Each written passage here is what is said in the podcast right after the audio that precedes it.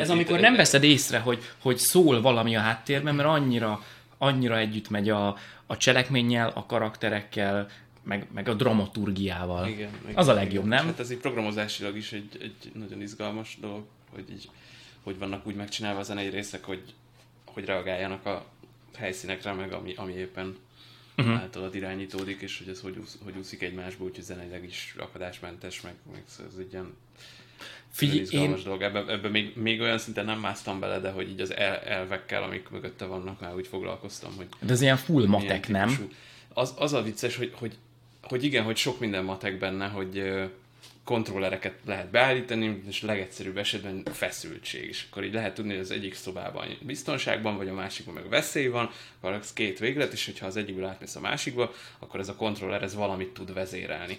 És akkor ez, a, ez a, az input, amit kapsz mondjuk zeneileg, és hogy ezt hogyan formálod egy zenei feszültségé, az, az már ugye a, a te zenei programozás részed, hogy most ez csak annyit eredményez, hogy bejönnek, ha behangosodnak a dobok, mondjuk, ami egyébként azért érdekes, mert hogy akkor így általában ezek úgy vannak, hogy több rétegű zene folyamatosan fut, amiből mondjuk bizonyos helyszíneken csak két réteget hallasz, aztán hozzákeveredik valami. Pont ezt akartam mondani, hogy azáltal, Márióban egy csomószor van az, hogy mondjuk van egy ilyen egy téma, egy pályatéma, és beugrasz a víz alá, és akadásmentesen ugyanaz a téma, de más hangszerekkel, Aha. ilyen víz alatti stílusban Ja, szól. ja, ja, ja, ja. Tehát ez a seamlessly, akadásmentes, igen, akadásmentesen megy. Igen, igen, tehát ez, ez, is, ez is barom izgalmas, meg, meg aztán van, amikor ilyen blokkok, tehát nem az van, hogy minden fut, csak keverjük a hangerő arányaikat, hanem, hanem hogy mennyi időnek kell lefutnia még ebből a zenéből, hogy, hogy ott mondjuk már egy másik rész elindulhasson, és utána azt egymáshoz, tehát hogy amikor, amikor így egymás után illesztenek részeket. Uh-huh. És az is, hát így ez az ilyen Matrix rendszert kitalálni, hogy milyen, milyen opciók vannak, és akkor melyik zenének melyik után kell passzolni, és hol, hol, érez, hol lehessen nagyon érezni, mondjuk, hogy előjön a zene, és mondjuk ott van valami fontos váltás, vagy nem tudom, ott adjon egy löketet, és szóval ez, ez nagyon, engem is ez a része nagyon, nagyon izgat. De akkor te videójáték zenét még nem Azt csináltál? még nem. Azt még És nem. akkor mit csináltál eddig? filmes, animációs dolgokat főleg.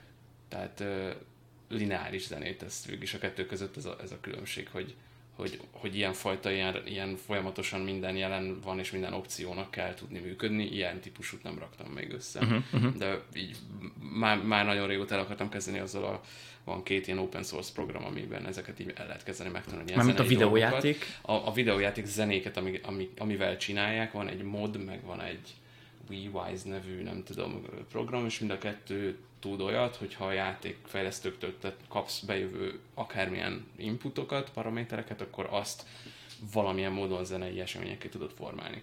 Uh-huh. És hogy, hogy ilyen módon zeneszerezni, az egy, az egy eléggé külön világ. De az úgy is matek, hogy nem csak úgy, ahogy mondtad, hogy ilyen, ilyen inputok meg kapcsolók vannak, hanem az úgy is matek, hogy mondjuk lehet, hogy nem kötött a játékidő, ja. Hanem te most 300 másodpercen keresztül ott vagy, és akkor van egy zene, és azt úgy írod meg, itt az a számegyenesen a zene, hogy mondjuk innentől az mindig tud ismétlődni. Igen. És ha azt érzi a, a program, hogy megy tovább az ember, és akkor zenei átkötés van, akkor a legvégétől viszont van egy olyan pont, ahonnan meg a következő tud már, kapcsolódni. Igen, igen. És a, például a Journey volt ilyen, ahol... Képzeld, még nem játszottam vele, annyira szégyellem magam. Ne, én se egyébként, csak itt, illetve nem, játszani nem játszottam, csak néztem, hogy más És- játszik, de hogy de nézted is? Az azért kurva, hogy már két éve voltam Kölnben egy ilyen nagy soundtrack fesztiválon, meg konferencián, és ott a, az alkotók is kicsit dumáltak arról, hogy ez hogy van összerakva, és hogy például azt az érzetet, hogy hogy neked mint a játékban nem itt van annyira keresni valót, hanem valami, valami másik felé menjél, ezt mennyire tudja például a zene segíteni, hogy elkezd unalmassá válni. Tehát, hogy ilyen hekkeli az agyat, hogy egy kicsit úgy loopolódik, hogy arra felé mész, akkor nem történik semmi izgi a zenében. Hogyha egy kicsit arra fele mozdulsz, akkor viszont így valami beindul, valami mocorgás, és nem is biztos, hogy ezt észleled, csak egy kicsit úgy érzed, hogy ösztönösen is tudod, hogy akkor inkább arra menjél. Megint Ez csak uh. Nintendo-s példát tudok hozni. A, az összes Mario Kartnak olyan a menüje, hogy megvan a főmenü, és kb. csak megy a dob meg a basszus, tum, tum, tum, tum, tum, tum, tum, tum, lépsz egyet, hogy single player, következő menü, már bejött valami zongora, kiválasztod, hogy hány köpcenti, következő menü, már fújnak a rezesek, igen, és a végén hallod az egészet, és ez lehet, hogy ez is olyasmi, nem? Hogy afelé visz, hogy épül a zene, menjél, és akkor nyomd a játékot. Igen, igen, igen, igen. Az a vicces, hogy mi ugye úgy találkoztunk, hogy egy dokumentumfilm bemutató után oda mentem érdeklődni, hogy ú, tényleg te voltál a zeneszerző, milyen szuper, mert most őszinte leszek, megnéztük a filmet, nagyon tetszett, ez a nevelőszülőkről szóló film, nagyon megható volt, és nem volt gicses. Ez volt, ez volt nekem a, a legszebb az egészben. Semmi hatásvadász dolog nem volt benne, semmi gicsesség. Ócsai Dorka rendezte egyébként, és hogy nekem az volt a, a fura, hogy én nem tudtam, hogy milyen zene szól, mondom, passzolni, passzol, és tudod így, azon gondolkoztam, hogy Végül is igen, hát ember két-három napon keresztül így keresgél mondjuk ilyen stock zenéket, akkor biztos így meg lehet találni, és akkor, ja, hogy te ezt te írtad. Uh-huh. és amiatt hívtalak, hogy egyetlen egy kérdéssel szoktam általában kérdezni, hogy hogy írsz te filmhez, vagy dokumentumfilmhez, vagy animációhoz zenét, hogyan indul az egész? Úgy, hogy megkapod már a véglegeset, vagy már kapsz nyersanyagot, és elkezdesz gyűjteni dolgokat, érzéseket, elkezdesz kutatni a témában, elkezdesz inspirálódni, szóval már te is az elejétől benne vagy, vagy neked a végén kell valamit rávarázsolni? Hát sokszor úgy van, hogy, hogy már valamennyire egy majdnem picture lock közeli, tehát utolsó vágat közeli állapotban kapjuk meg a filmet, de azért az a legjobb, hogyha van már addig is egyfajta ilyen előkészület, és zeneileg is el lehet kezdeni gondolkodni. Sőt, hát én igazából azt szeretem a legjobban, hogyha ha a rendező már akár forgatókönyv stádiumban gondolkodik azon, hogy mit tud a zene hozzátenni, miért kell bizonyos helyekre, és miért, miért lenne jó, ha bizonyos helyeken például egyáltalán nem lenne zene, tehát nagyon sokszor ez műfajfüggő is. Dokumentumfilmnél, most így visszatérve a Dorka filmjére, azt lehet nagyon könnyen elkövetni, hogy, hogy pont az, amit mondasz, hogy gicses, vagy egy kicsit ilyen túl sok Túl zenéled, vagy... Igen, tehát hogy, hogy a dokunál amúgy is érzi az ember, hogy ez, ez, ez, ez reális, ez valami, ettől valahogy még egyel könnyebben átélhető, mert hogy tudod és érzed is, hogy nem színészeket látsz, hanem aki ott elsírta magát, az tényleg egy olyan drámán ment keresztül, hogy, hogy elképesztő pont ebben a filmben is voltak olyan részek, egy, egy temetőben mesélt jelenetnél például Igen. gyerekeket hogyan veszített el az évek alatt a hölgy, hogy így, így ha, ha az alá én berakok valami zenét, egyrészt én a kis kiegyensúlyozott életemmel minden szuper, és akkor leülök zongorázgatni, és amiről én azt gondolom, hogy az valami szomorú zene, azt én alárakom, az egész fals. Tehát, hogy, és, és még ha nagyon sikerül nagyon szomorú zenét írnom, akkor is fals. Ott van, elmondja, teljesen átélhető a, a, a dolog.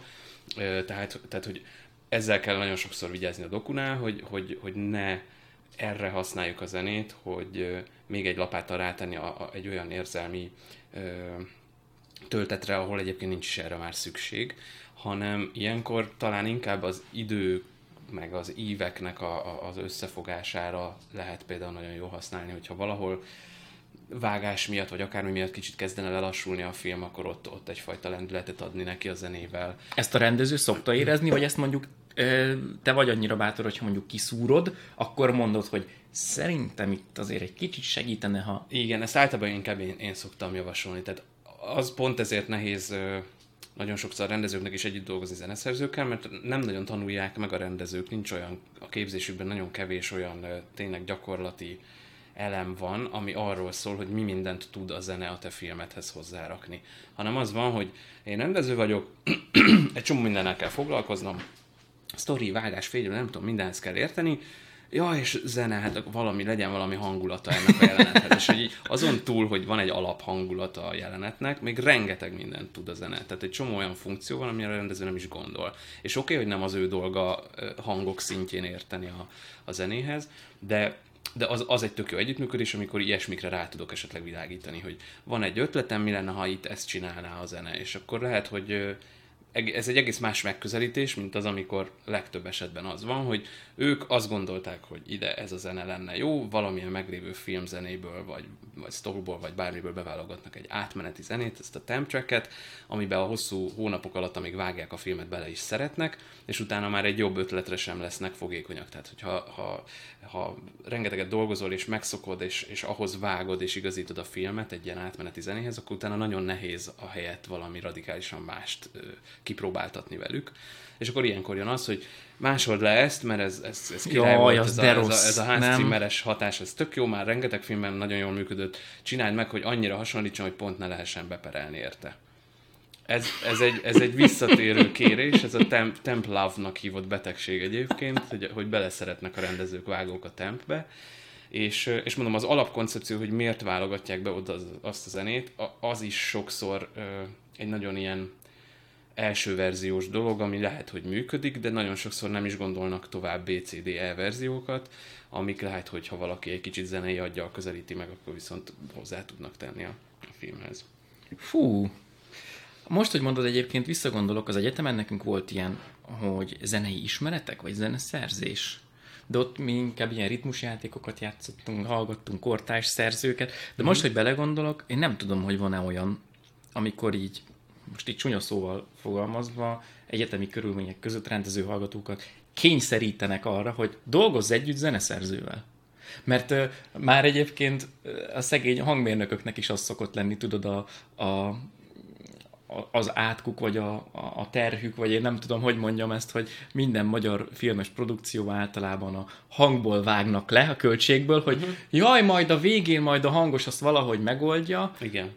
és hogy és hogy aranyszabály, hogy ha nem jó a hangja a filmnek, akkor az egész film nézhet ki bármilyen jól, onnantól senki nem fogja élvezni. Igen, és igen. hát a hanggal együtt mozog a, a zene is. Igen, abszolút, abszolút. Nem, hát az, az egyik én tanítottam is most nemrég a színműn rendező, vágó, dramaturg hatszorotos osztályt, és, és nagyon látom, hogy az egyik, ami hiányzik, ez a, egyáltalán a szókincs, hogy hogyan lehet egy, egy zenéről beszélgetni. Most mindegy is, hogy a zeneszerzővel, de hogy, hogy ha megpróbálok valamit megfogalmazni, hogy miért tetszik az a zene, nagyon sokan elég hamar már akadályokba ütköznek. Ez, ez már egy ilyen kommunikációs dolog, ami, ami szerintem nagyon fontos ennek a képzés során, hogy, hogy tudjad, hogy egy zeneszerzőtől valamit akarsz kérni, egyébként zeneszerzőként sokszor nem is az a jó nekem, amikor egy, egy rendező megpróbálja megfogalmazni, hogy ott szerintem a harsonák legyenek egy kicsit, mert, mert ez nagyon sokszor előfordul, hogy a reklámnál volt ilyen, hogy a, hogy a, a producer mondta, hogy a szakszofont vegyük ki, mert ez nagyon nem, is egy vonós négyes volt egyébként, és akkor, akkor most mire gondolhatod, tudod?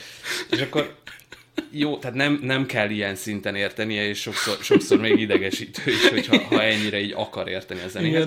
De, de mondjuk az, hogy tehát funkciók szintjén, tehát van egy jelenet, ezt egy, egy ilyen prezentációban is sokszor meg, meg szoktam mutatni, ahol van egy srác, sétál egy parkban, ahol meglát egy, egy ilyen bunyózó, ez egy pont egy kendós film, ahol, ahol ugye bottal és, és felszerelésben, de egy ilyen havas tájban, a ködben ott elkezdenek küzdeni egymással emberek, és az egész egy ilyen látomásszerű valami, és ez a srác ezen le van sokkolódva, hogy kik ezek, mik ezek, miért gyepálják egymást, ráadásul az egyik a két harcos közül, az egy ilyen agresszív őrült, és, és szabálytalan, és lögdösödik, és tehát, hogy egy, egyszerre, nagyon rövid idő alatt látunk többféle karaktert, van egy szemlélődő srác, aki egyébként később majd rájön, hogy az egyik ebből a két harcosból ő maga volt, és a saját fantomját, a saját belső akadályát, mert ő egy kicsit arrogánsabb a keleténél, és hogy az önzését kell vagy hátrább tenni ahhoz, hogy ő előrébb jusson, tehát ez a sztori lényege, de ebben a jelenetben én megcsinálhatom azt zeneileg, hogy a küzdelemre, ami képileg egy intenzív dolog, arra koncentrálok, és egy ilyen jó kis akció zenével lekövetem akár, úgyhogy minden ütésre ott van egy nagy hatás, és nem tudom. És ugyanezt a jelenetet végig lehet vinni egy ilyen belső utazós zenével is, ami, amikor a kép odavág a srácra, aki ezt szemléli, akkor áll a helyére, hogy én igazából végig a fiúval vagyok, és végig szemlélőként ö, látom ezt az eseményt, és én hogyan reagálok erre.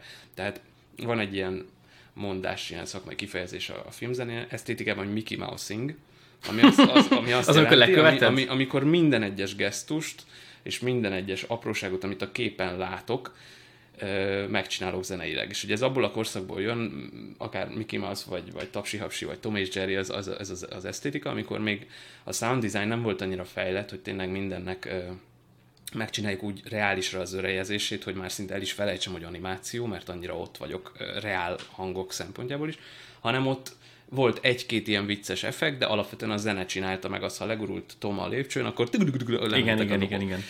És ez egy ilyen, ez egy ilyen leíró, egy ilyen deskriptív zene, hogy így leülök, megnézem a filmet, és amit én látok a képen, azt megfestem zenével. De ez nem egy, nem egy film, sztori mesélős koncepció zeneileg.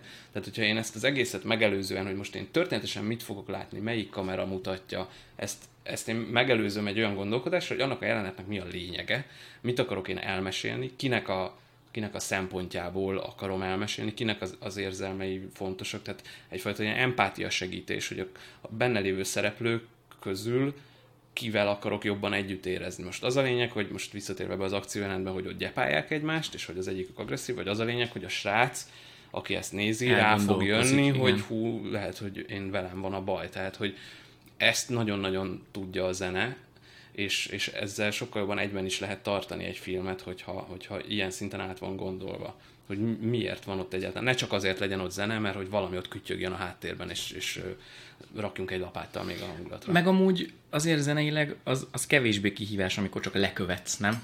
Amikor lekövetted azt, ami történt. Így, így van, igen, igen, tehát ez is, ez is igaz. Ez is egy egyébként egy inspiráló dolog, tehát most egyébként dolgozom a Jankovics Marcelnek a, a filmjén, a Toldin, ahol pont erről megy a diskurzus, meg az első epizódon dolgozunk, és most alakul ki igazából a stílusa, hogy, hogy, hogy ott mit csináljon a zene, és a Marcel egy kicsit ebből a, ebből a Mickey Mousing esztétikából kiindulva szeretné a zenét, és akár a szimfonikus költeményekben, vagy a koncertzenében is nagyon sokszor az egy, az egy rendkívüli ö, tudomány, mondjuk egy adott karaktert, vagy egy adott hatást nagyon erősen megjeleníteni zenében. Tehát, hogy, hogy én becsukott szemmel is, ezer egyéb asszociáció közül is oda terelődjek, hogy a boszorkány, vagy nem tudom. Tehát, hogy, hogy legyenek ilyen fogalmak, és azt nagyon erősen megcsinálni zeneileg, ez egy, ez egy tök jó az kihívás. kihívás. Meggondolom, bocsi, hogy beleszólok, Én. kérdezek, az is mondjuk kihívás, hogyha így a Mickey Mouse-nál tartunk, hogy, hogy milyen hangeffektet miből állítasz te elő, nem? Mert azért ezek nem úgy, nincsenek úgy készen, hogy söprűcsapás, meg nem tudom, kalapácsütés, mert egy csomószor ezek a dolgok, meg a kedvencem az égdörgés, amikor egy ilyen, egy ilyen, ilyen fém lapot szoktak hajtogatni, de ez már más, ez már zajzörejezés, de hogy ez például tök izgi, és itt is aztán lehet szintetizátorokat tekergetni, és a végén meg aki hallja, az nem is gondolja, hogy ez szintetizátor volt. Uh-huh. Tehát, hogy ennek meg itt van ez a fajta kihívása, nem? Igen, és az, az, abban van egy nagyon izgalmas trend, hogy, hogy eléggé összemosódik ma már a sound design, meg a, meg a, a szimfonikus filmzene.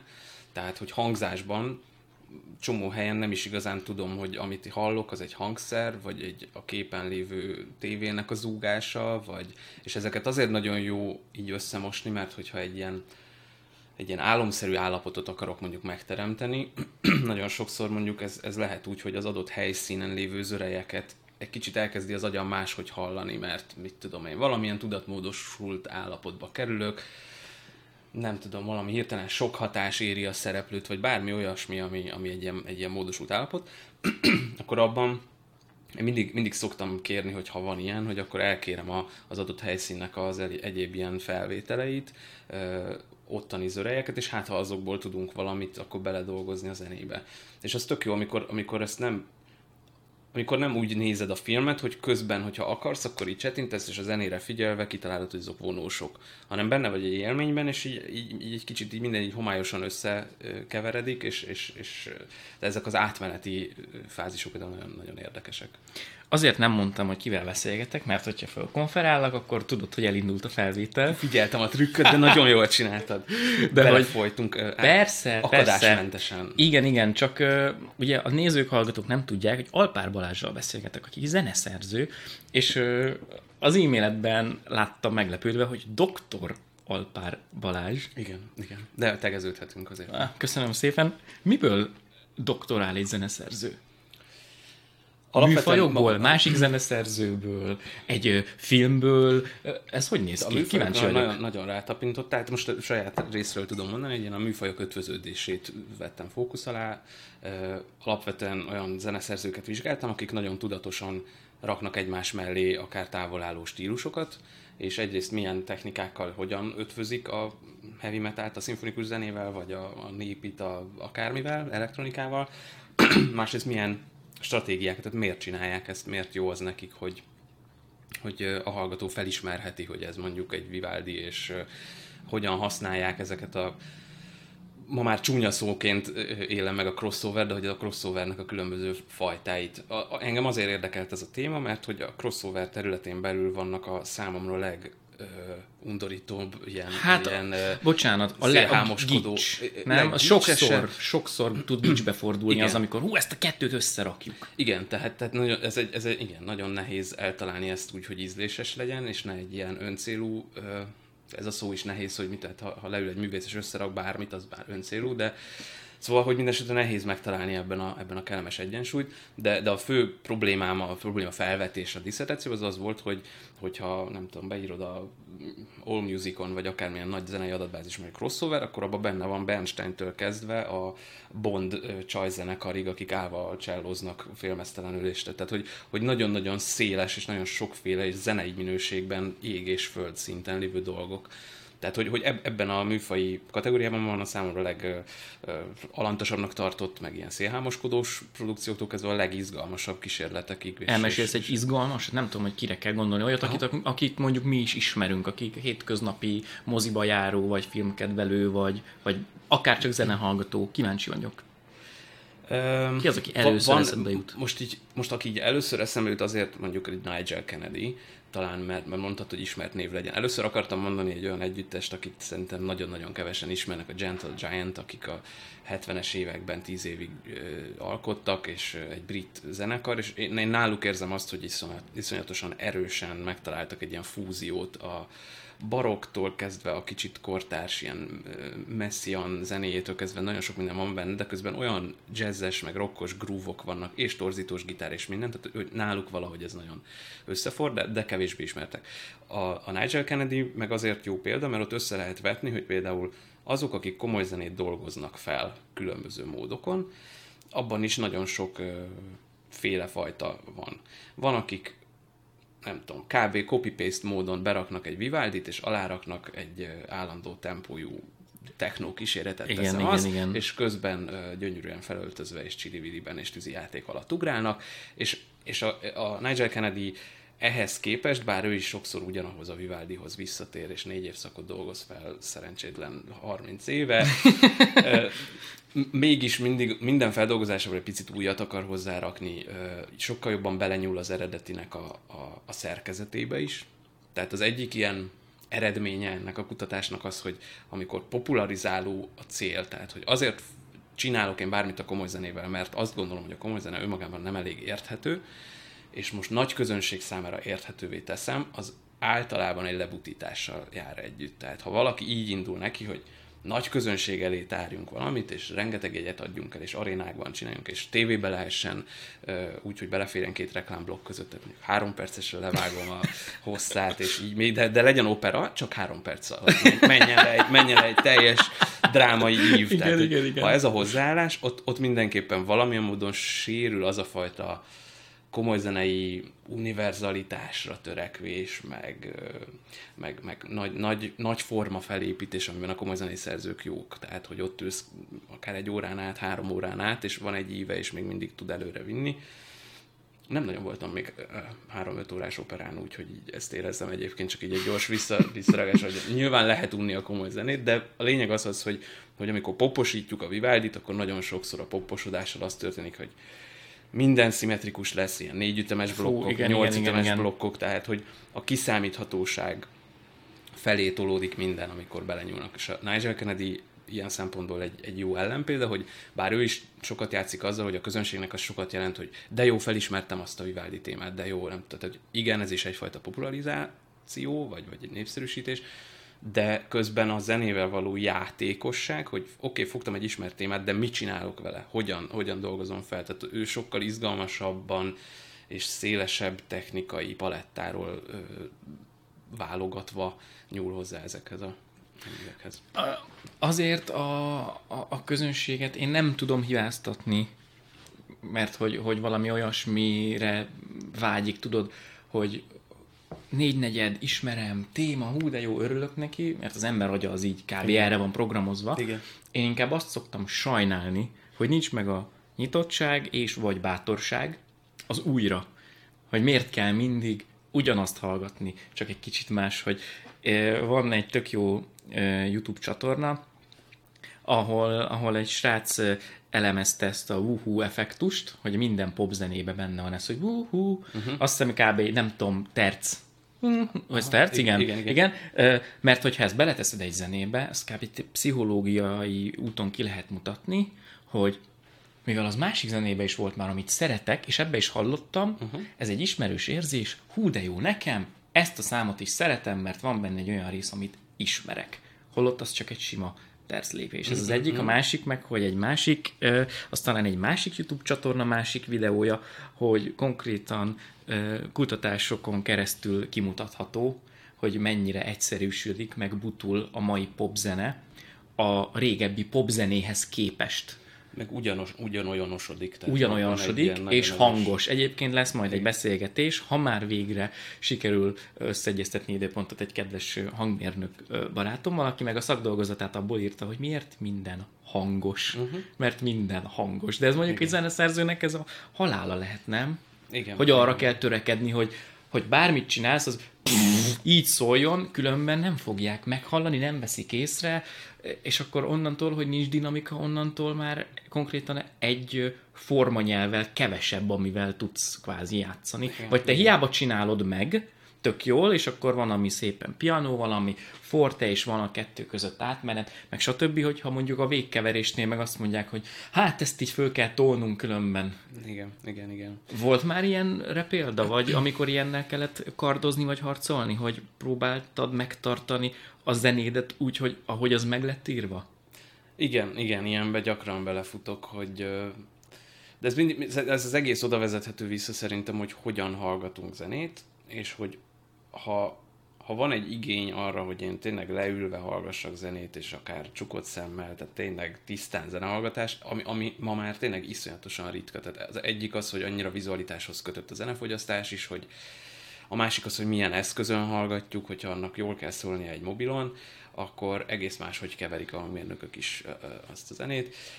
De, de tényleg, amit mondasz, hogy kontrasztokat veszítünk iszonyatosan sokat azáltal, hogy ez, és ez csak a dinamikai kontraszt, amiről beszélünk, de amit te is mondtál, hogy felismerhető részek, vagy kiszámítható részek, szerintem az a, az, az izgalmas, hogyha és, és kommunikatív zene, tehát hogy van a, van a csak izgalmas zene, ami viszont senkit nem szólít meg, mert annyira minden pillanatban újat és kísérletit csinál, hogy már, már egyszer nem találok benne semmit, amihez kapcsolódni tud. Igen. igen.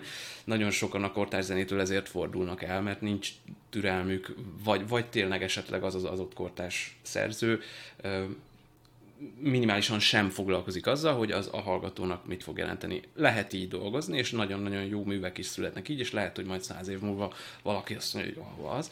De hogyha valaki egy kicsit a, a, a közönséggel való kommunikációt beleveszi, akkor eljut oda, hogy mennyit rakok bele azért, hogy ő kicsit jól érezze magát, miközben hallgatja, és ez a, ez a gyere velem, mutatok valamit, tehát kell egy ilyen gesztus, hogy először beviszem a szobába, adok neki egy kávét, nem tudom, és utána ö, megkóstoltatok vele egy, nem tudom, guatemalai, ö, érted, bagoly köpetet, Igen. ami amúgy nagyon váratlan és furcsa, de mégis, szóval, hogy ezek, ezek így működnek zenében is ezek a dolgok, és, és ezeket lehet adagolni, hogy mi az, ami, ami az ismertségét, meg a kiszámíthatóságát fokozza, és hát aztán filmbe helyezve meg ez egy egészen más dimenzióba kerül ez az egész kérdés, hogy, hogy kiszámíthatóság, mert van, amikor pont azzal ártok a legjobban a filmnek, hogyha állandóan izgalmakat csinálok a zenében, és állandóan valami változik, és uh, ahol nem az a szerepem, hogy felhívjam magamra, vagy a zenémre a figyelmet, hanem az, hogy valaminek alá dolgozzak, vagy egy, vagy egy folyamatot segítsek, ami folyamatot egyébként nem én hozok létre, csak, csak megsegítem, ott, ott pont arra kell figyelni, hogy, hogy úgy legyen akár repetitív a zene, hogy, hogy ne az unalmat fokozza mégsem, de, de ne vonja magára túlságosan a figyelmet a, a filmben. Milyen érdekes, hogy a Journey-nél mondtad, hogy ott viszont eszköz volt az, hogy ez itt most unalmas. Igen, igen, igen. És akkor majd észreveszi magát a, a, a játékos, jó, de az egy teljesen más téma, amikor nyilván a játékos irányítja a történetet, meg más, amikor a rendező irányít a te segítségeddel. Igen, ez az irányítás is jó dolog, pont hogy érdekes dolog, hogy ez az, a, a, az interaktív felépítésű zenéknél, tehát mondjuk egy, egy játékhoz írt szimfonikus zenénél, azt is nagyon, az, az is időben változhat, hogy mikor mi a funkciója a zenének, és mikor aláfestőként kíséri a zene azt, amit te éppen akarsz csinálni, és mikor a zene irányítja azt, hogy te mit csinálj, pont egy ilyenre mondtunk példát, hogy, hogy a zene mondja azt, hogy ne arra menjél, mert ott nincs semmi keresni valód. Na figyelj, 180 fokos kérdés. Forduljunk meg. Igen. Hogy lesz valaki zeneszerző? Az, az nem egy annyira népszerű szakma, hogy otthon valaki bejelenti, hogy én zeneszerző szeretnék lenni anya, apa, Igen. és mert arra az a válasz, hogy ülj le kisfiam egyes, mert éhen fogsz halni, Igen, mert hogy zeneszerzőkre nincs szükség. Igen, igen, volt valami felmérés, ahol a vágánykezelővel egy szinten volt a, Komolyan? a zeneszerző bevétel, de hát ez egy ilyen tök nehéz, hogy hogyan mérik a, a zeneszerző bevételét, tehát biztosan nem azzal megy neki a zeneszerzői pályának valaki, hogy dollármilliók és nyomjuk. Szerintem ebbe Akkor te is bele- rockstárként ö, indultál, vagy valami hasonló? Hát ha Valami nem is zenei alap rockstárként, De az igen, hogy, hogy elkezdesz a zenével foglalkozni, az úgy, az, úgy, az úgy jön. Sőt, mondanám azt, hogy nagyon sok gyerek igazából eredetileg még zeneszerző pár éves korában. Tuti, hogy önmagában az épp hangulatának megfelelően gügyögve énekelget egy szótagot, vagy visszaismétli azt, amit mondtál, de már énekelve, az zeneszerzés. Csak van, aki úgy marad. Tehát, hogy van, akitől elveszik ezt az örömet, hogy jaj, kislányom, ne csinálnál, kisfiam. Van, akinek meg azt mondják, hogy hm, egész érdekes, hogy amit visszaismételt, az egyébként ugyanazon a hangon volt, mint amit én a beszédhangomon mondtam, lehet, hogy jó füle van, vigyük el zongorázni, és akkor ebbe azért úgy bele lehet sodródni.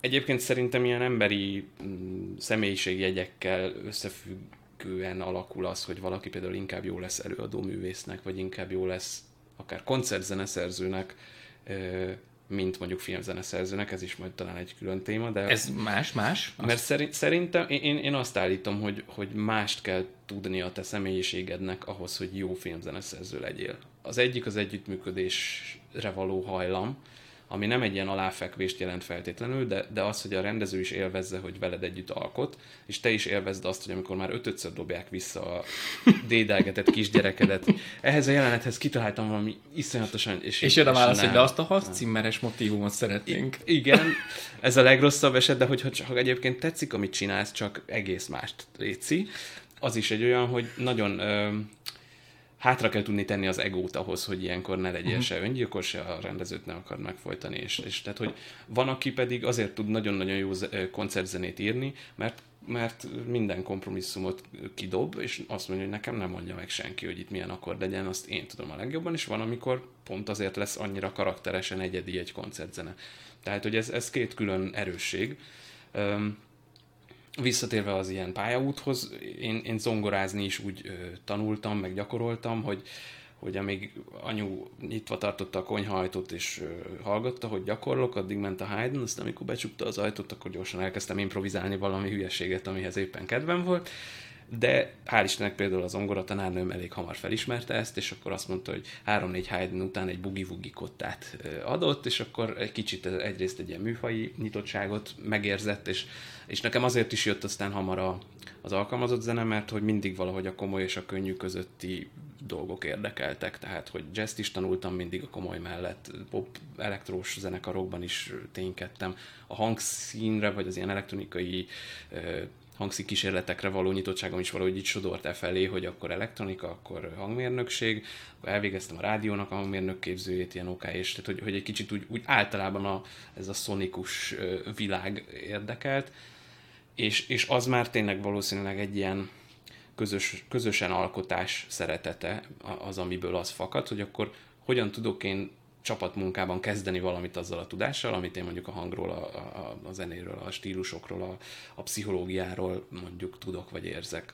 Mert egyébként a filmzenében aztán nagyon sokszor ez is előjön, hogy, uh-huh. hogy érzed-e azokat az emberi, vagy emberközi dolgokat, amik, amik, amikről egy film szól, és amit a rendező lehet, hogy nem is tud annyira jól megfogalmazni, de ha te ezt érzed és tudod, akkor zeneileg is jobban meg tudod oldani azt, amit, amit ott meg kell. És akkor mi elmész a, a ezzel az zongora tudással, hogy megvan a klasszikus, van valami modern az zeneakadémiára, hogy jelentkeztem zeneszerzőnek, és akkor ott nem tudom, mi történik. Aha. Mert nem tudom, nekem a zeneakadémia, az bármikor el, elhangzik ez a név, uh-huh. mindig tényleg ez a, az akadémia, ez jut eszembe, csak öltöny nyakkendős, csak a hagyományok, csak a klasszikus, Igen. csak a izé, mert hogy a, a jazz tanszak meg a, meg a klasszikus az két külön világ, az olyan, mint a színművészetén a színház film, hogy aki az egyikre jár, nem ismeri a másikat, aki a másikra jár, nem ismeri az egyiket, és pont most beszélgettem egy, egy csellistával, aki azt mondta, hogy volt egy jazz koncerten, mennyire jó volt, és hogy mennyire furcsa, hogy mindenki zeneakadémista jazz szakos, és senkit nem ismer, mert ő hm. klasszikus ágon van. Tehát, hogy akkor mit és hogyan tanítanak egy zeneszerzőnek?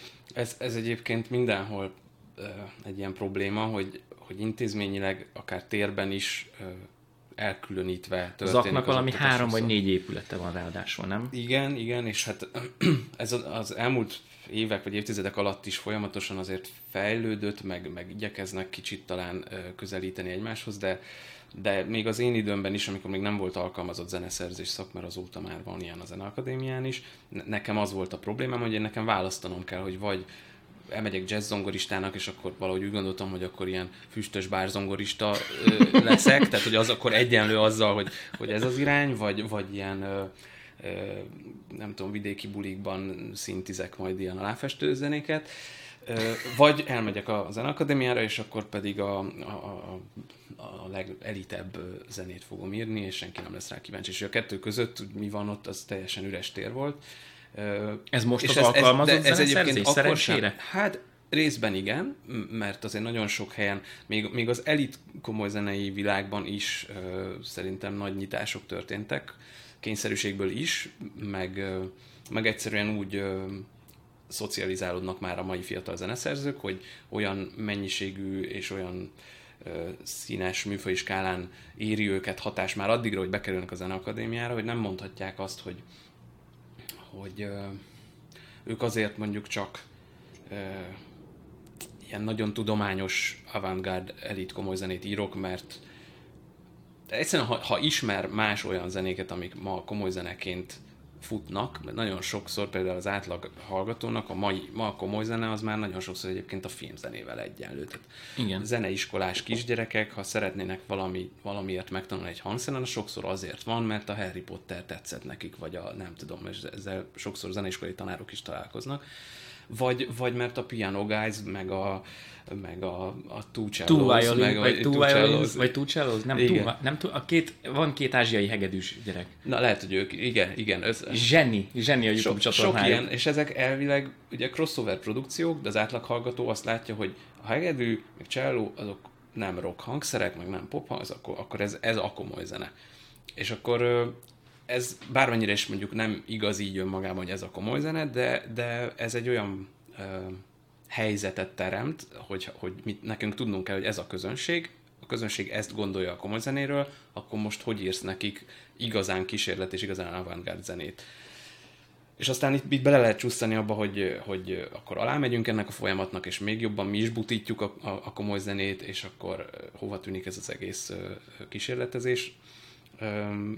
De, de minden esetre ez egy jelenség. De Egyébként már akkor is, amikor én úgy gondoltam, hogy a, hogy a jazz irány az, az akkor elvisz engem a füstös bárzongorista uh-huh. irányba, az már akkor se volt igaz, és egyébként én úgy látom, hogy egyel nagyobb a nyitottság a jazzisták ö, szemében ö, műfajokra, és mondjuk a komoly zenei kidolgozottság, meg megszerkesztettség irányába, mert azért nagyon sokszor a komoly zenészek azzal nézik le a jazzeseket, hogy, hogy azok úgy állnak hozzá, hogy linkek, azok jó lesz, mindegy. Meg bármit tudja, játszanak, az bár... jó, igen, igen. Például azért, mert azért jó, mert úgy tud ráimprózni, hogy tényleg jó lesz, még akkor is, hogyha nem tudja, hogy tehát ez egyfajta hozzáállás kérdése, hogy, hogy mennyire ez a lazaság miből ered de tény, hogy, hogy ezeknek az ilyen sztereotípiáknak egy része mondjuk igaz, egy része igaz a, a, arra is, hogy a komoly zenészek meg ilyen ö, elitisták, meg geekek, meg nem igazából egy, nem tudom, Deka Párizsit nem tudnak megvenni igen. a boltban, mert ennyire... És te is fragba jöttél. És igen, igen, igen. Mint zeneszerző. Ez egy kicsit így mindig ilyen, ilyen akkor csináljunk ebből a szituból valami izgalmasat, így, így ilyen módon érdeket, és én is a Zeneakadémián akkor még azért eléggé a komoly zenei zeneszerzés szakon egy ilyen fekete bárány voltam, amikor vizsgára vittem egy darabot, amiben volt basszusgitár, meg dob. Úristen, hogy merek én ilyet? Tehát, de hogy ez egy kicsit így, így érdekelt is, kicsit fricska is volt, hogy csak azért is, és hogy ez csak két hangszer, tehát hogy basszus, attól még lehet ugyanúgy nagyon izgalmas és kísérleti zenét írni rá, hogy történetesen ezeket inkább a rockban használták. Uh-huh, akkor, uh-huh. Vagy, tehát, hogy de Erre hogy mondjak gyorsan igen, valamit? Egyszer, ezt még nem tudom, ezelőtt egy millió évvel csak bejött flashback, kitaláltam. Valakivel beszélgettem ilyen, ilyen tudod, nagy zeneszerzőkről, hogy Mozart, Bach, meg Beethoven, de tehát én nem értek hozzá, csak így, így általánosságban, mert hogy, mert hogy nem véletlen ö, nem volt izé abba se dob, és nem kell mindent a dobbal elrontani, meg stb. Én meg azt mondtam, hogy de szerintem csak azért nem rakott mondjuk Mozart dobot, mert akkor nem volt még dobszerkó. De szerintem ő lett volna olyan bátor, Persze. hogyha van így az a dobszerkó, akkor biztos így leül, és így elgondolkozik, hogy hm, ezt a hangszert is fogom használni valamire. Abszolút. Tehát, hogy én, én azt látom, vagy azt vallom, hogy a legizgalmasabb dolgok mindig abból jönnek, amikor az ember így körülnéz, hogy miből főzünk, és minden ilyen hangszert vagy lehetőséget, és akkor legyen az egy dobszerkó, vagy egy szintetizátor, amit úgy tekergetsz, hogy papagáj hang jön ki a végén, nem tudom. Igen. De hogy ha azokat úgy használod, ahogy azt még senki, és vagy, vagy nagyon egyedien, Igen. ami rád jellemző. Abszolút, abszolút. és ez, ez pont ez az, hogy hogyan dolgozom ezekkel az anyagokkal, hogy hogyan szerkeztem meg, és ebből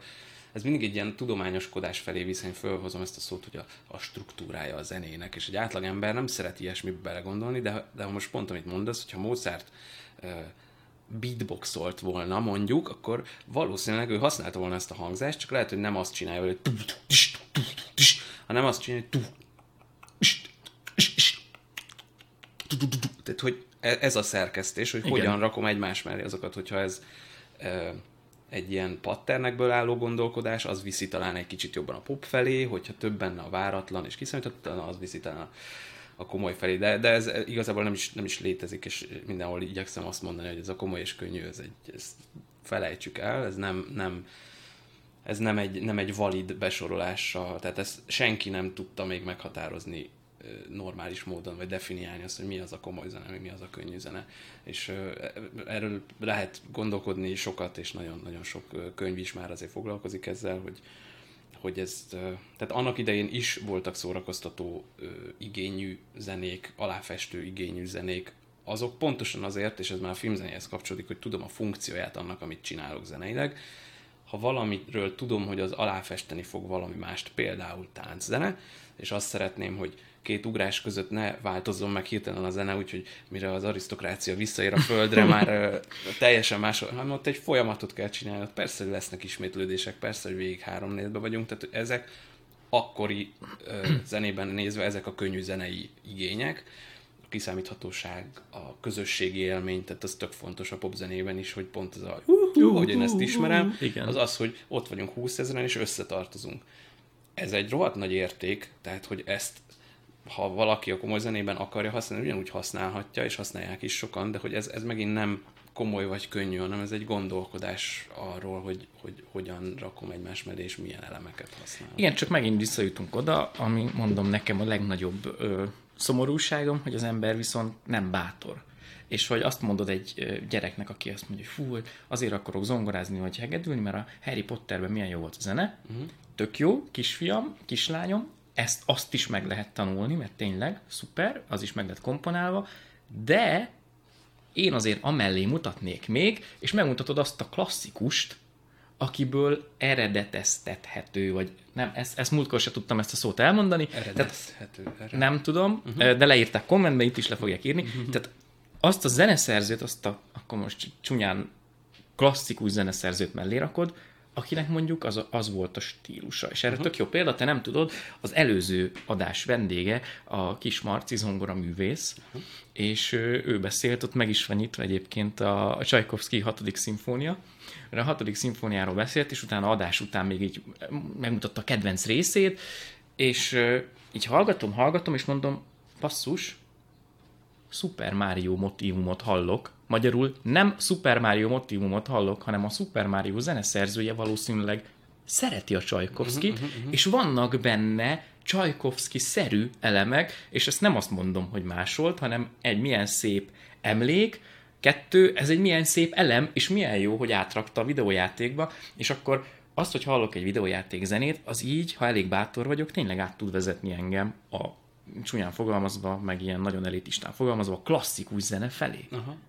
De gondolom a Hans Zimmernél is, meg az összes ilyennél is vissza lehet vezetni, hogy valószínűleg ki a kedvenc klasszikusa, akit ő az egyetemen tanult, vagy hallgatott, és azt mondja, hogy fú, ez akkor a hatással volt rám, hogy kicsit belecsempészek valamit. Igen, igen. Hát ez, ez már így egy ilyen pedagógiai kérdés, hogy mi az, ami téged odavonz valamihez, és utána miért lesz kedved valami kicsit ismeretlenebb dolgot is megnézni. Ha csak azért, mert tudod, hogy abban valahol ott lesz egy Mário téma, az tök mindegy, egy pedagógusnak erre kell rácuppannia. Hogyha van egy mai komoly, egy könnyű zenei sláger mondjuk, amit mindenki fütyül, ő mint pedagógus gyűlöli, akkor is meg kell tudni találni benne, hogy mi az, amitből én tudok használni valamit arra, hogy megmutassam neki akár Mozartot. És nem azt, hogy mikor született és halt meg, ki a francot érdekel, hogy mikor élt ez a szerencsétlen.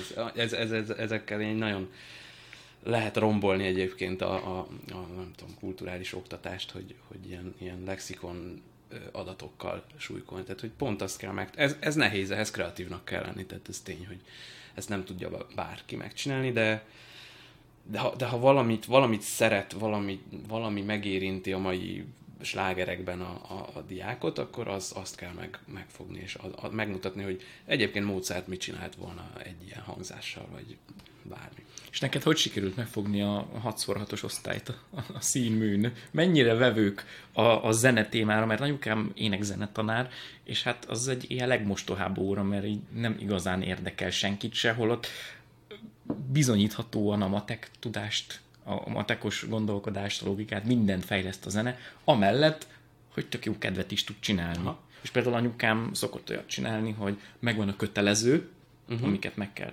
csinálni, és utána meg gyerekek karaoke.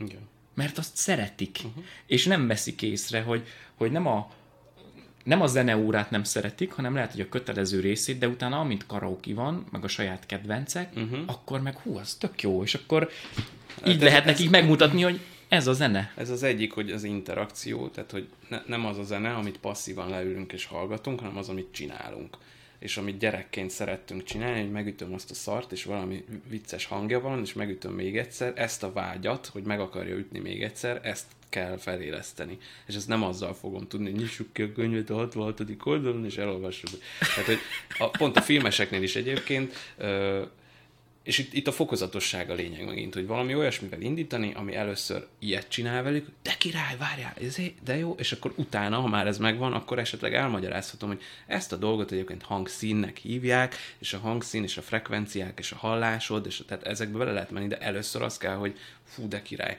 És ezt nálunk, és sokszor úgy csinálom, hogy egy ilyen mikrofon körbeadós játékkal, egy ilyen looperes játékkal ö, vezetek föl valamit, amikor csak be van állítva egy elég hosszú ö, ismétlési idejű looper, valamit bead az egyik, ilyen rövid kis hangot, tehát továbbadja a mikrofon, akkor az megint meg fog szólalni, amit beadott, akkor hallgathatja, hogy jé, az, az voltam én, de vicces hangom van, nem tudom, és közben már másik is berakott. Egyrészt lesz egy közösségi élmény, hogy együtt építünk fel egy ilyen hangszőnyeget, így is lehet hívni, vagy, vagy egy ilyen, egy ilyen patternt, és, és akkor egy pár kör így körbe megy, akkor hallgatjuk, hogy ez mennyire vicces. Ez egy játék. Oké, de akkor utána most csináljuk meg azt, hogy amit te beraksz, az ne fedje le azt, aki már benne van.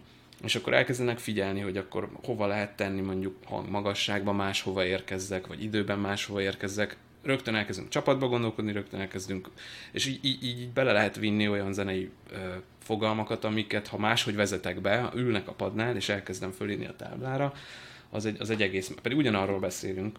Hát ez már ez igazából... az élménypedagógia. Hát meg ez, ez ilyen hangok általi zeneszerzés már. Abszolút. Igen, igen, igen. Meg gondolom, akarva akaratlanul nyilván, akinek van ritmusérzéke, akkor elkezdi így összerakni, és akkor végén valami ilyesmi kijön hangokból. Abszolút. Igen, igen, igen. És hát az, hogy, hogy utána ezek a hangok egyébként miért, egy hang miért vicces, vagy bejönnek ezek a klisé dolgok. És pont, a filmeseknél nagyon jól lehetett abban gondolkodni, akár reklámfilmeket elemezve, hogy mondjuk műfai klisék hogyan használhatók valaminek a, egy érzésnek a felkeltésére mondjuk filmben vagy reklámban, azért nagyon sokszor a, a már bevált ilyen műfai utalások tudnak működni, mert mondjuk nagyon rövid idő alatt meg kell tudnom csinálni, hogy presztízs, vagy magas kultúra, vagy nem tudom, legyen egy ékszerreklám, vagy egy hotel reklám, nem tudom, vagy egy egy luxus autó reklám, nagyon sokszor a komoly zene, az opera jön elő, mint, mint uh-huh. első választás, mert hogy ez, ez hozza pont ezt a, a komoly zene hit vagy meglévő presztízsét használja. Vagy jön egy nagyon ilyen urbánus karakter, egy ilyen link emberke, aki nagyon sokszor a hip-hop fog. egy, scratchelés hangok. És ezek, ezek az ilyen nagyon bevált sztereotípiák, amik ö, amikről lehet azt mondani, hogy ez hülyeség, miért gondoljuk minden hip-hopos arcról, hogy link, nem tudom, de ezek mint, mint ilyen, ilyen shortcutok, ilyen rövid elérésű asszociációk tök jól működnek filmben. És akkor utána ezekről el lehet kezdeni gondolkodni, hogy jó, akkor én mit tudok csinálni, hogy behozzak valami hip-hopot, de közben a hip-hop alatt hallok egy kórust valami templomi, akkor most ez mit mond egy adott karakterről, hogy ő akkor igazából így szent életű akar lenni. Tehát egy csomó olyan ilyen kulturális asszociációt lehet beindítani csak zenével, még meg se szólalt a karakter, ami, amitől ez így izgalmas lesz egy rendezőnek is. És akkor kicsit elkezdünk ezen gondolkodni. Akkor van úgy, hogy képeket vetítek ki, csak sima álló képet, kezedben van egy mikrofon, és fogjál meg valamit arról a képről, és csinálj belőle egy hangot, és add bele a mikrofonba és ez nagyon, ez egy ilyen direkt dolog, nem kell neked hangszeren tudni ahhoz, hogy, hogy a misztikumot azt megpróbálod úgy megfogalmazni, hogy vagy Aha. de tudod, kicsit elkezdeni kísérletezni, hogy egy, egy karaktert akarjál megragadni hangilag. És ezt ilyen filmes, zenei karakter fejlesztésként hívtam a tárgyat is, mert hogy itt, itt is ez volt a lényeg, hogy, hogy a zenének a meglévő ilyen asszociációit, meg a hangzásoknak a meglévő asszociációit mire tudjuk használni történetmesélésben. Tehát a, ha van egy nagy üvöltő szörny, aki épp lerombolja az erődítmény falait, akkor annak milyen hangot adsz te egy szál hanggal egy mikrofonba, és hogyha azt adod neki, hogy nem tudom, akkor az, az a hangszín, az egyébként miért tud nagyon jól működni egy szimfonikus zenében, vagy hogy érjük el szimfonikus zenében, hogy ilyen szörny hatása legyen, vagy mit csavargatok az elektronikán, hogy, hogy, hogy ilyen torz legyen, és tehát a torzulás, mint hangszínelem, mit tud mesélni sztoriban. Tehát ez, ezekkel érdemes elkezdeni játszani. De jó, hogy most egy gondolat éven belül említetted egyszer a szimfonikust, meg a, az elektronikust is, mert ami nekem ilyen teljesen ámulatba ejtő, és nagyon csodálom, az, hogy általában ma egy zeneszerzőnek ezen a skálán teljesen kell tudnia gondolkozni, és teljesen meg is kell tudnod csinálni, nem? Egy személyben. Tehát fogod a nagy szimfonik VST-t, mert mondjuk itthon lehet, hogy nincs rá pénz, és ugyanúgy nem mondom, hogy leakasztod a Giorgio Morodert, aki majd kitekergeti neked Igen. szintén, és kell, hogy legyen otthon legyen, kell, hogy legyen neked otthon szintid is, uh-huh. kell, hogy legyen neked otthon basszusgitárod is, midi billentyűzeted is, ami tud hegedű is lenni, Igen. meg szaxofon, meg minden. Ö, ától cettig teljesen össze tudsz rakni te otthon egy zenét? Ö, hát én igen.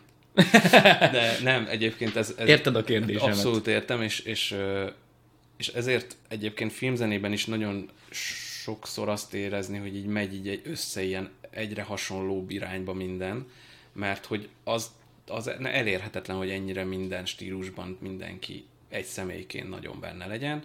Sokkal jobban adná magát, főleg, hogyha olyan büdzsénk lenne, hogy én mondjuk dramaturgiailag értem és érzem, hogy hogy kéne működni ennek a zenének, de mondjuk kell bele egy olyan operett részlet, amit vagy mert nem tanultam, vagy mert nem szeretem, vagy akármi miatt nem tudom megcsinálni, de tudom, hogy ki az a kolléga, akit be tudok rántani, és akár az irányításom alatt, vagy neki kiosztva, tehát egy ilyen együttműködve specialistákkal uh-huh. lenne ezt a legjobb megcsinálni. Sajnos ez a ritkább eset, és inkább az van, hogy mindent elvállalunk, akkor is, ha nem értek hozzá, majd beletanulok, és persze, hogy beletanulok, de közben azért az nem lesz, tehát most, ha középkori zenét kell most írnom hirtelen, és nincs egy másfél éven megtanulni ténylegesen a középkori zene összes csinyát, akkor lesz valami középkori szerű, szerű. valami, Igen. és a filmzenében nagyon sokszor ez a szerű dolog, ez így megvan, ami, ami egyrészt ad egy egyedi jelleget is, mert persze az, amiben hibázol, hogy leutánoz valami mást, az a művészetekben ez adja az egyedi jelleget. Mindig a, próbálsz utánozni, nem sikerül, és amilyen módon elszúrod az utánzást, az vagy te.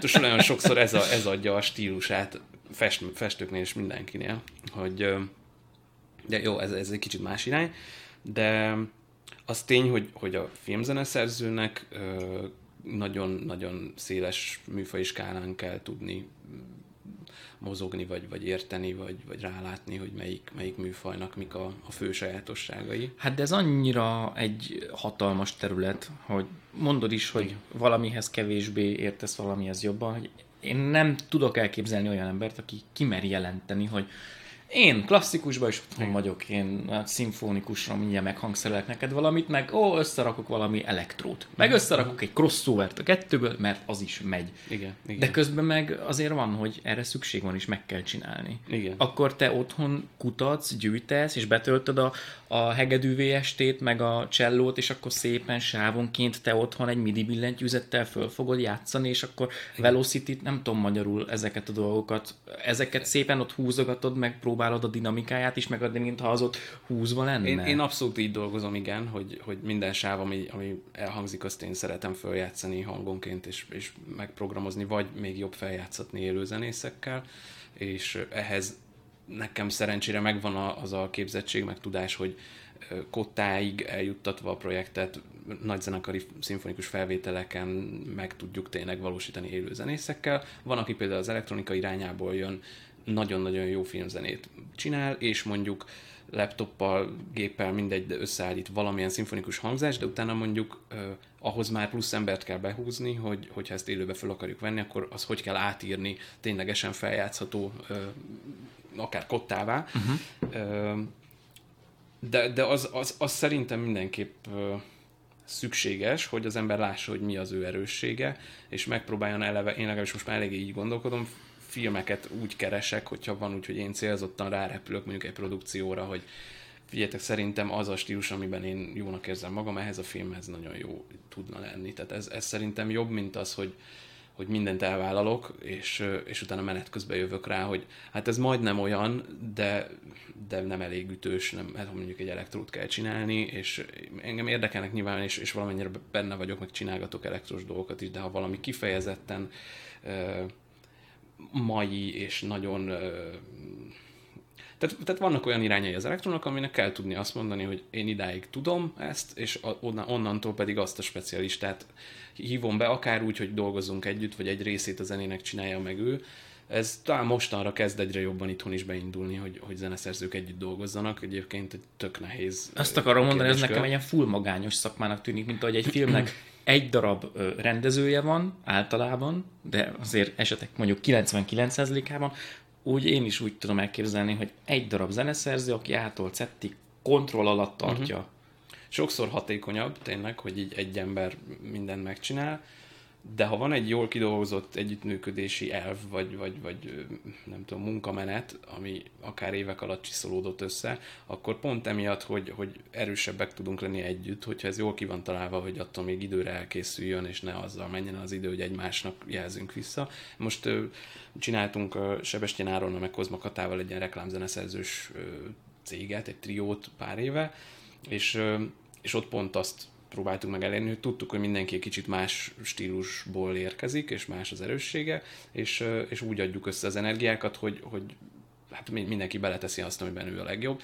Ez filmben is amúgy lehet, meg meg lehet csinálni, de azért ott, ott tényleg a, a hatékonyság miatt, hogy időre kész kell lenni, jó, hogyha van egy feje az egésznek, de ő mint fej attól még szerintem tök hasznos, hogyha beránt. Mondjuk most a, a Toldi kapcsán le fogunk ülni uh, régi zenei lantossal, le fogunk ülni uh, névzenésszel, kvázi konzultálni, uh-huh, hogy uh-huh. okosítson ki minket, hogy azért nagyon nagy hülyeséget ne csináljunk. Egyébként ezt is ketten csináljuk Sebestyén Áronnal a Toldinak a zenét, és ott is így nagyjából megvan, hogy melyik részt kicsinálja, mert mert vannak olyan részek, amiben Sostakovics-szerű, komoly zenei hatások kellenének, van, ahol egy kicsit más jellegű, és akkor ezt elosztjuk egymás között. És a zajzöre is hozzájön? Azt is ti csináljátok? Azt most a Toldi esetében nem mi csináljuk. Mert a Doc film után ugye beszélgettünk, és nem emlékszem a projektre, de valamit említettél, hogy hogy nem csak a zenét csináltatta, hanem a zajzöreit is, ami viszont az, az más szokta. Az konkrétan egy hangmérnöki zörejező szépen megy, animációknál ugye, és akkor, vagy hogyha filmet kell utószinkronizálni zajzöreivel, uh-huh. akkor a cipővel ott a, izén a folyosón. térkövön, folyosón, a homokban, igen, igen, a igen. mizét csinálja. Minél csináltatta a, a zajzöreit Hát is? az Egy kupac kufli című gyerek sorozat, amit most, most már második évadon dolgozunk, és idén, mikor ősszel lesz a mozi bemutató is, annak a zenét és az öreit is én csinálom. Hát ott, ott, ott az meg azért nagyon, nagyon izgalmas kihívás, mert egy olyan világnak kell az összes létező hangját megteremteni, ami világ egy ilyen teljesen kitekert és ilyen elborult és nagyon absztrakt és nagyon játékos világ. Ilyen szempontból még izgalmasabb is, mint mondjuk egy, egy ilyen reálisabb játékfilm helyi hangjait megteremteni. Egyébként nagyon sokszor tényleg játékfilmben is nagyon sok részét a, a, a hatózörejeknek utólag csinálják meg, egyszerűen azért, mert kezelhetőbb hangilag, hogy nem egy, egy szám mikrofont leraktak, és akkor abban benne legyen az érthető dialóg, és benne legyen a szívén, ami elment, meg az ajtónyikorgás, hanem ezeket így egyesével akár utólag megcsinálják. Részben ezért, mert kezelhetőbb, részben azért, mert ha úgy csinálják meg, akkor ez megint egy történetmesélő elem tud lenni, hogy az a kutya, amit nem látok a képen, csak hallom, hogy morog jobbról, az, az hogyan morog, az mennyire veszélyes én rám, az a kutya, ez megint egy ilyen sztori mesélési dolog, tehát ez, ezért sound design, nem csak simán zörejezés, mert az, hogy én ezt hogyan keverem, mekkora térbe rakom, milyen mély a kutya hangja, tehát ezek mind komoly kifejező erővel bírnak.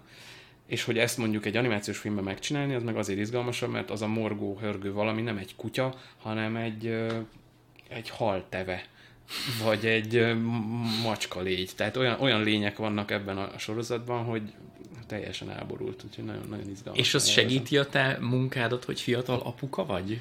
Hogy így, így azt látod, hogy a te kicsid milyen hangokra hogyan Aha. reagál, hogy mondjuk akkor itt van ez az animációs, egy teljesen elvarázsolt világ, akkor valószínűleg majd az X közönségnek, a ennyi meg ennyi éves közönségnek majd mi az, ami jobban megkapja a figyelmét, mint valami más hangeffekt?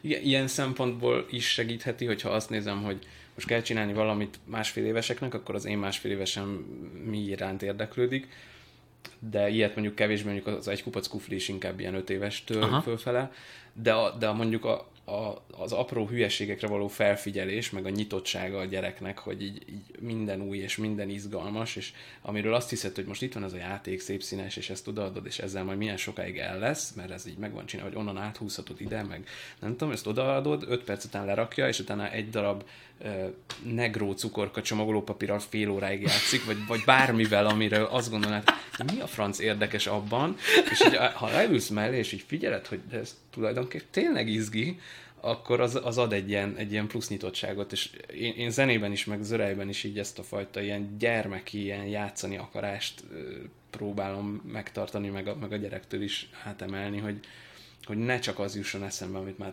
15 éve, 20 éve, 30 éve mindig automatikusan az jön, tehát nagyon, nagyon sok ilyen klisé van, ami egyszerűbb, az jön, persze működni fog, és az filmben is nagyon-nagyon sokszor a legegyszerűbb, leggyorsabb megoldást gyorsan berakjuk. Pont az animáció műfaja nekem azért is ennyire ilyen, ilyen szívügyem, és most már jó pár éve rengeteg animációs projektben benne vagyok, mert hogy ott ilyen sokkal fantáziadúsabb, meg játékosabb dolgokra van lehetőség hangilag is, meg zenében is. Miben voltál benne? Mondj pár dolgot. E, alapvetően a KED animációs stúdiónál dolgozom most már tíz éve, több is talán, és akkor ott, ott gyerek dolgokat is csináltunk, de, de reklám animációk, meg egyebek is vannak. Volt egy nagyon-nagyon izgalmas projekt, amit ugye játékokról beszélgettünk, van a Digic Pictures nevű Aha. amúgy magyar Valakit szeretnék hívni a Digital egyszer. Na, majd, majd adok kontaktot ja, a az, akik ott dolgoznak. Ugye az Assassin's Creed-nek is sokszor ők csinálják a trélereit. Ők csináltak egy nagyon izgalmas 3D animációt Paper World címmel, ami egy ilyen WWF-es image film, tehát a, a most mindegy is a sztori, de nagyon, nagyon izgalmas volt, hogy ott pedig ilyen papírból hajtogatott antilopok üldözték egymást, és, és madarak, és egy nagyon-nagyon szép projekt, és a National Geographic oldalán 9 millióan látták, meg nem tudom, az nagyon fel is futott, tök, tök jó projekt.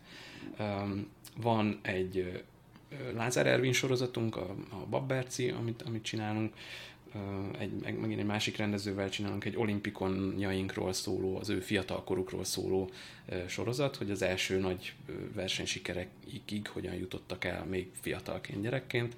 Ez a cserebogarak. Cserebogarak? Cserebogarak, igen. Nagyjából ezek, amik így animációk, és akkor van olyan kicsit kommerszebb projekt is, amit most nemrég megcsináltuk a Jim Jam nevű gyerekcsatornának az arculatát, ezt már ezzel a Sound Tailors nevű trióval, amiről meséltem, uh-huh. hogy a reklámzenére szakosodtunk, és ővelük csináltunk egy ilyen tévés arculatot, és az meg azért érdekes, mert ott valami száz országban sugárzott adóról van szó, és, és a nemzetközileg is egy elég jó, jó ugródeszka, vagy egy jó, jó projekt. Fú, de az mennyire más világ, amikor kell csinálni egy 5 másodperces vist, Igen. hogy abban mi legyen benne, vagy kell egy, nem tudom, egy, egy másfél perces ajánló alá egy ilyen kvázi végtelenített valamit, amiben nem fárad el a füled, érdekes legyen, figyelemfelhívó, ott aztán minden mozgósítani kell. Igen, ez, ez, is azért tök érdekes, mert ha valaki a reklámban ö, szerez tapasztalatot, és megtanulja azt, hogy egy ilyen rövid formában hogyan tudsz iszonyatosan hatékony lenni, akkor abból a tudásból mit örökítesz át egy, egy másfél órás játékfilmbe például? Az, hogyha például szignált csináltál már,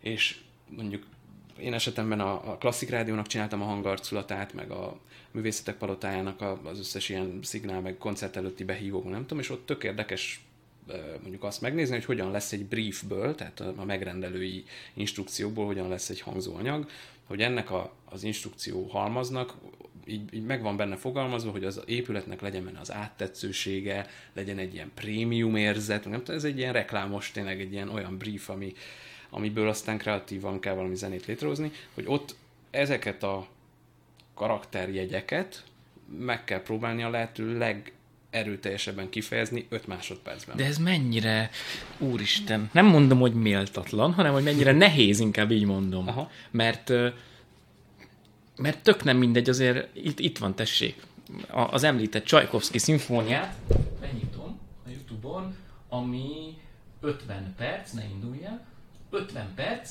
és ott Csajkovszki, a hatodik szimfóniát, ugye, dél-koreai szimfonikus zenekar, 50 percben van ez elmesélve, 50 percben egy gyönyörű történetet Ív, el lehet igen, mesélni igen, igen, igen. A-tól Z-ig, és akkor itt van egy 5 másodperc, de legyen az egy 30 másodperces reklám, amikor azt kéri tőled a, a, a megrendelő, hogy ez 30 másodpercben nagyon prémium legyen. Mm-hmm. Vagy 30 másodpercben egy drámai ö, dolog, de a termékkel a végén a feloldás is a megoldás. Igen, igen. Hogy, igen, hogy igen. neked ezt a kettő dolgot 30 másodpercben belecsomagolni, ez ennek a megalkotása mennyi idő alatt, meg hogyan születik? Ez, ez nem olyan munka, mint az, hogy itt vagyunk reggel 8-tól délután 4-ig igen. zenét szerzünk, aztán igen. az megszűnik. Igen, igen, igen, igen.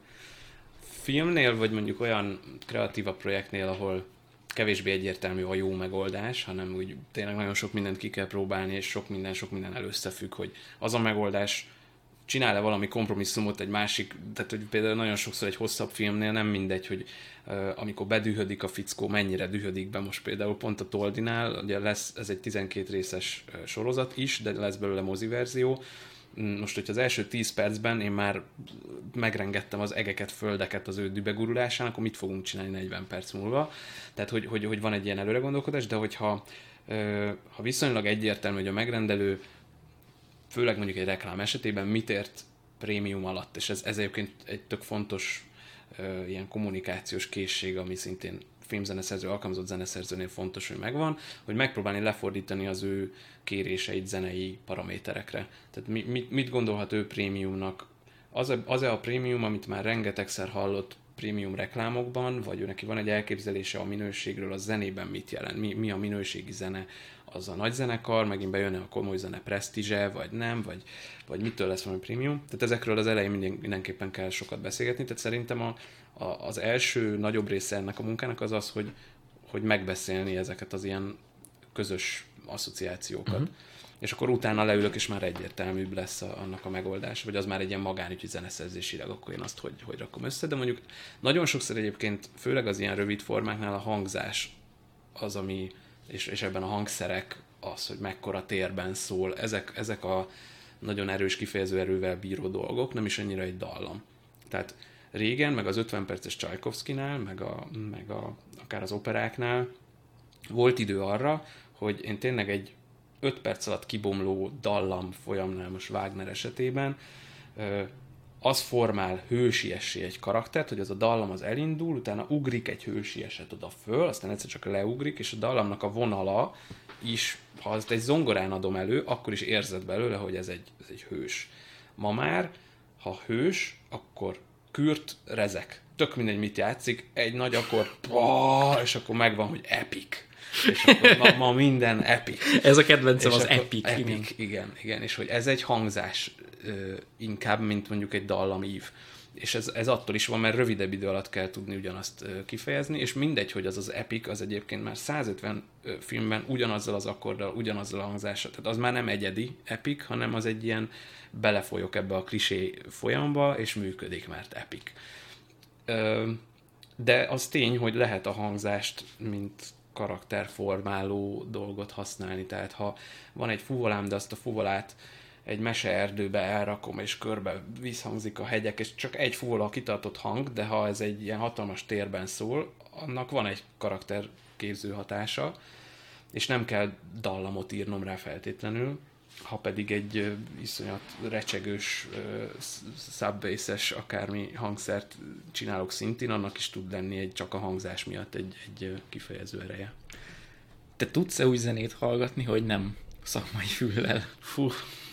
Vagy tudsz úgy filmet nézni, hogy nem a zenét figyeled? Nemrég a, nem is tudom, mert valami, valami akciófilmben, amikor így a visítást így, így azonnal meghallom a visítást, és akkor ez a zené, zené, alapvető zenéhez képest egy szeptimre van ez a visítás hang. És akkor így, ja, hogy figyeljünk a történetre is, mert hogy egy filmet nézünk, és nem, hát, hát igen, nagyon könnyű bele, belefolyni ebbe.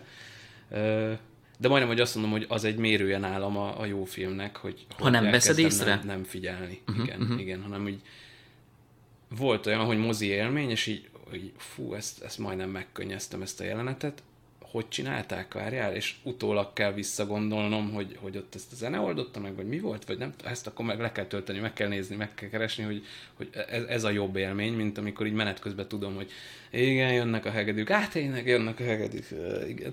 Tehát van, van, van nagyon sok ilyen, uh-huh. ilyen pillanat, ami, ami pont azért izgalmas.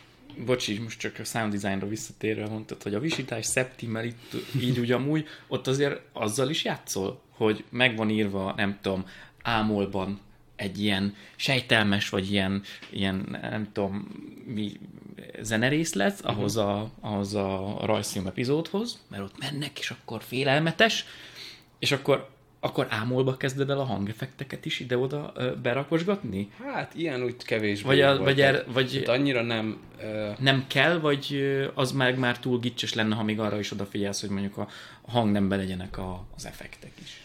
Egy ilyen volt egy dokumentumfilmnél, ahol azt tudtam, hogy ott már be kéne indulni a zenének, de még az előző jelenetből még szólnak a harangok, és hogy az, ahova először akartam a zenét, az kifejezetten diszonáns volt a harangokkal, akkor ott egy kicsit odébb raktam, de, de mondjuk nem azért, mert én ezzel valamit ki akartam fejezni, hanem csak egyszerűen zavaró volt. De Tehát a hangnemet raktad a, a harangokhoz? igen, igen, igen.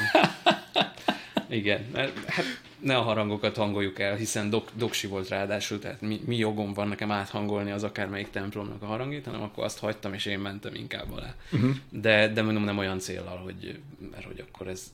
De, de egyébként az, az nagyon izgalmas, csak az már egy kísérleti irány, amikor, amikor én azt mondom, hogy, hogy tényleg a- azzal az örejjel épüljön össze a zene. De volt pont ez az, amit az elején is mondtam, hogy ilyen álom, álomszerűség, hogy volt olyan lassítós jelenet egy filmben, ahol előtte a srác belép valami szobába, ahol széthúz egy ilyen gyöngysoros függönyt, nem tudom, azt minek hívják ezt a térrel választó izét, és annak egy ilyen tök jó hangja van, és amikor összezáródik mögött, amikor belépett a szobába, akkor onnantól kezdődik egy ilyen lassítós jelenet, és ott elkértem tényleg mindent, az öv csat, meg kibontja az övét, meg nem tudom, vetkőzik, és akkor ott, ott ezeket a hangokat mind beviszem mondjuk a gépbe, ezt hívják ilyen sampling technikának, hogy azt utána én akár a billentyű nyomogatásával azt az övcsat zörgést, vagy azt nem tudom, hogy elő tudjam hívni, és akkor utána abból épül zene.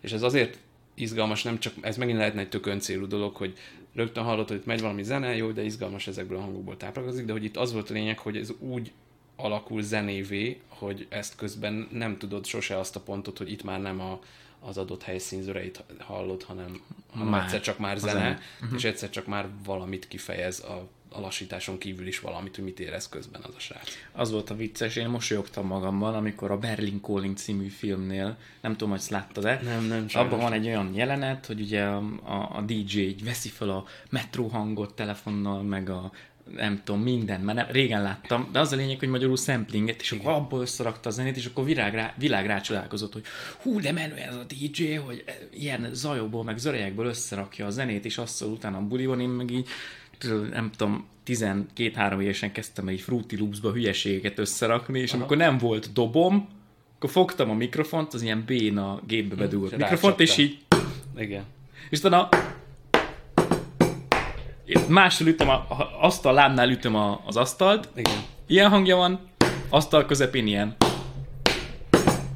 Igen. És akkor kész a zene, de hát ez mi, mióta megvan már ez a technika nyilván. Igen, igen, igen. És hát ez, ez ö, egyrészt, ha ilyesmiket használ az ember, és nem csak a gyárilag jövő ö, hangszíneket, akkor egyrészt egyedibb lesz, másrészt ha ezt tudja úgy csinálni, most ez nem csak azért izgalmas, mert én oda csaptam az asztalra, hanem azért izgalmas, mert valahogy a sztoriba is az beilleszthetőbb az a hangzás, mert például pont egy kicsit gagyibb, az a jó, ha van egy kis kedves, szerethető hétköznapi karakterem, aki se nem hős, se nem, nem tudom, lehet, hogy hozzá jobban fog passzolni egy ilyen kicsit gagyibb hangzású zene, ami úgy lett ilyen összeguberálva mondjuk kidobott és megunt és használt hangszerekből, az, az egy hangzás karaktert ad neki. Egy ilyentől jobban tud működni egy, egy ehhez írt filmzene, mint hogyha nagy szimfonikussal csinálok egy hétköznapi srácot. Hogy? Uh-huh. Na, és akkor hogy tudsz te dolgozni? Tudsz-e úgy dolgozni, hogy reggel 8-tól délután 4-ig és utána elengeded, vagy van olyan, hogy éjszaka fölkelsz, és úristen, és ezt lekottázom gyorsan, mert reggelre elfelejtem? Ez, ez folyamatosan tanulja az ember, és most pont kérdezted a kislányom kapcsán, hogy ez hogy lehet összehozni, hogy, hogy amikor hazaérek, akkor vele legyek.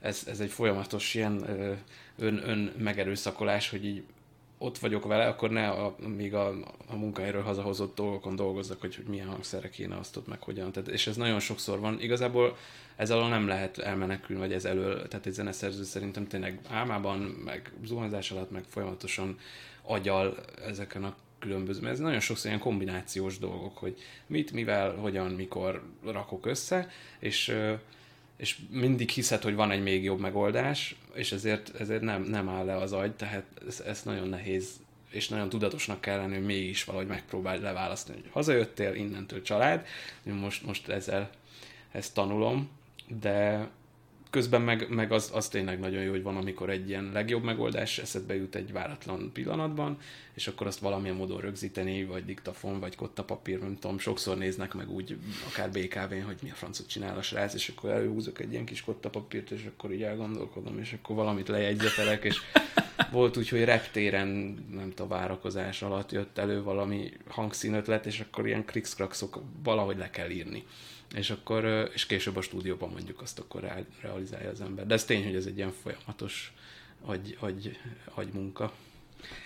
Én köszönöm szépen, hogy elfogadtad a meghívásomat. Szerintem nagyon, nagyon tanulságos, meg izgalmas volt ez, és elkérek tőled majd elérhetőségeket, amiket lerakok a videó alá, hogyha valaki szeretne megismerkedni a munkáddal, meg követni, hogy mi jön ki a te stúdiódból, a, a kollégáiddal, alkotótársaiddal, meg mi jön ki pusztán így, mint Alpár Balázs zeneszerző tollából, az akkor tudja, hogy hova nyúljon.